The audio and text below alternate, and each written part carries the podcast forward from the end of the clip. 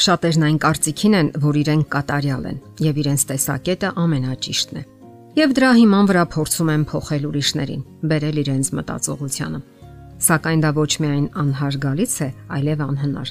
Գաղտնիք չէ, որ շատ զույգեր ամուսնանում են այն չարթարացված սպասումներով, որ ժամանակի ընթացքում կարող են փոխել դիմացինին։ Իսկ դա գալիս է այն մեծամիտ մտայնությունից, որ միայն իրենք են ճիշտ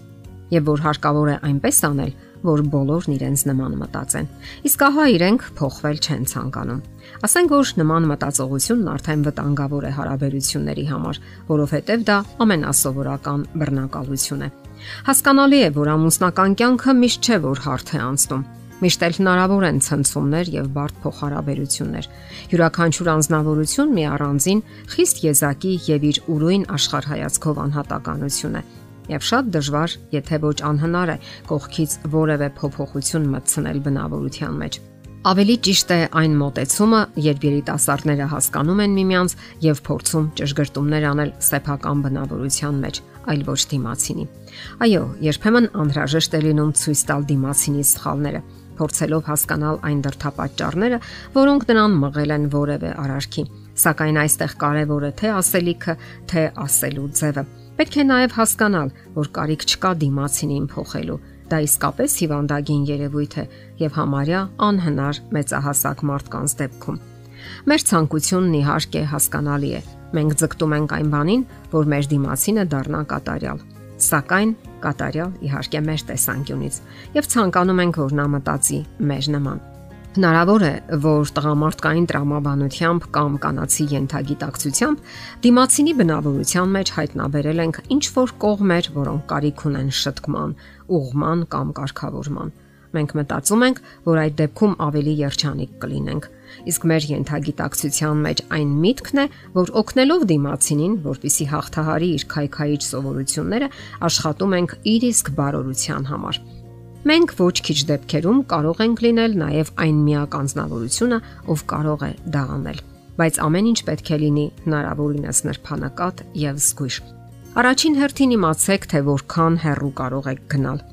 Ասենք որ թունավոր կծու դիտողությունները, անհարգալից մեկնաբանությունները կամ ակնարկները չեն ուղղի նրան։ Շատ ավելի կարևոր է հասկանալ, թե ինչու է նա այս կամ այն կերպ վարվում ապա փոխադարձ հարգանքի պայմաններում քննարկեք հիմնախնդիրը, որpիսի հաշվի առնվի նաև ձեր հուզական հակազդեցությունը։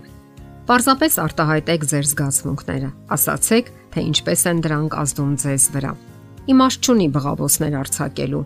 ասելու, թե որքան հիմար կամ ապուշ արարք է թույլ տվել դիմացինը։ Դրանք բացարձակապես անօգուտ են։ Շատ ավելի օգտակար կլինեն կառուցողական մտքերը փոքր չափաբաժիններով։ Իսկ այժմ ժամանակի մասին։ Ասենք որ քաղաքական գործիչները, ծաղրացուները եւ սիրողամուսինները կարողանում են ճիշտ ընտրել ասելիքն արտահայտելու ժամանակը։ Հիշեք, չի կարելի քննարկումներ անել քնի կամ ճաշելու ժամերին։ Հաշվի առեք հոգնածությունը, քաղցածությունը, հուզական սթրեսը, որոնք նվազեցնում են մտավոր ակտիվությունը եւ բարձրացնում գրգռականությունը։ Հարկավոր է նաեւ մի քիչ սպասել, որpիսի խաթարված զգացմունքները հանգստանան այսպես ասած սարչեն եւ նոր միայն սկսեք քննարկումները։ Զսպելով այս ռոպեական զգացմունքները, դուք իմաստություն եւ առողջ հայացք ունեք կյանքի հանդեպ։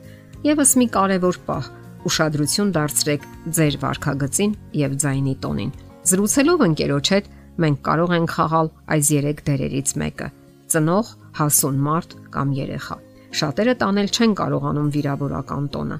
Հասուն մարդկանց դեպքում դա պարզապես անթույլատրելի է եւ լուրջ խոր վիրավորանքների տեղիք է տալիս։ Պետք չէ խոսել ծնողի խրատական տոնով։ Դա նման է այն բանին, երբ ծնողը պատժում է երեխային վատ արարքի համար։ Հասուն մարդն արդեն դուրս է եկել այդ տարիքից։ Կարիք չկա նաև ծրագրավորելու ընկերոջ ժամանակը։ Այդ բոլորը երկուստեք քննարկելու եւ ընդհանուր հայտարարի գալու հարց է։ Եթե նույնիսկ ձեզ հետ խոսում են ծնողի տոնով, Դուք պարտավոր չեք երեխայի դեր կատարել։ Այնուամենայնիվ կարող եք պատասխանել նրան հասուն մարդու նման։ Արդյունավետ ամուսնությունների դեպքում ամուսինն ու կինը պետք է ազատ զգան իրենց։ Լարվածությունը թուլացնելու լավագույն եղանակն այն է, որ դիմացինին ասեք, թե ինչ եք մտածում այդ մասին եւ ինչն է անհանգստացնում ձեզ։ Ոչինչ այնպես չի փչացնում հարաբերությունները, ինչպես դիմացինին մշտապես ցուցումներ տալը կամ թերությունները մատնանշելը։ Մեզ սիրված զգալու համար մենք պետք է հասկանանք, որ մեզ ընդունում են, այլ ոչ թե քննադատում կամ դատապարտում։ Կա նաև մեկ այլ կարևոր պահ։ Դիմացինի սխալները ցույց տալու համար հարկավոր է վաստակել այդ իրավունքը։ Առաջին հերթին դուք պետք է ցուցադրեք ձեր ամփոփող հարգանքը դիմացինի հանդեպ որպես անznավորություն քանի որ նույնիսկ կառուցողական քննադատությունը կործանարար ազդեցություն է գործում ինքնագնահատականի վրա, ապա խորհուրդներ կարելի է տալ միայն սիրո, բարյացակամության, հարգանքի մթնոլորտում։ Միայն այդ դեպքում դուք կարող եք քննարկել նրբանակատ հարցերը։ Հիշեք, որ դիմացինը նույնպես կարող է որոշ հավակնություններ ունենալ ձեր հանդեպ։ Նա էլ կարող է ասելիք ունենալ եւ այն էլ ծանրակշիռ։ Չէ որ մենք կատարյալ էակներ չենք եւ բոլորիս է հատուկ սխալվելը։ Հասկանալի է, որ այս բոլորը տևական ժամանակ են պահանջում։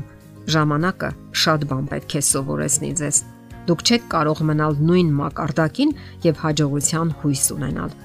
Այնպես որ ինչ որ մեկին փոխելու փոխարեն շատ ավելի հեշտ կլինի փոխվելը։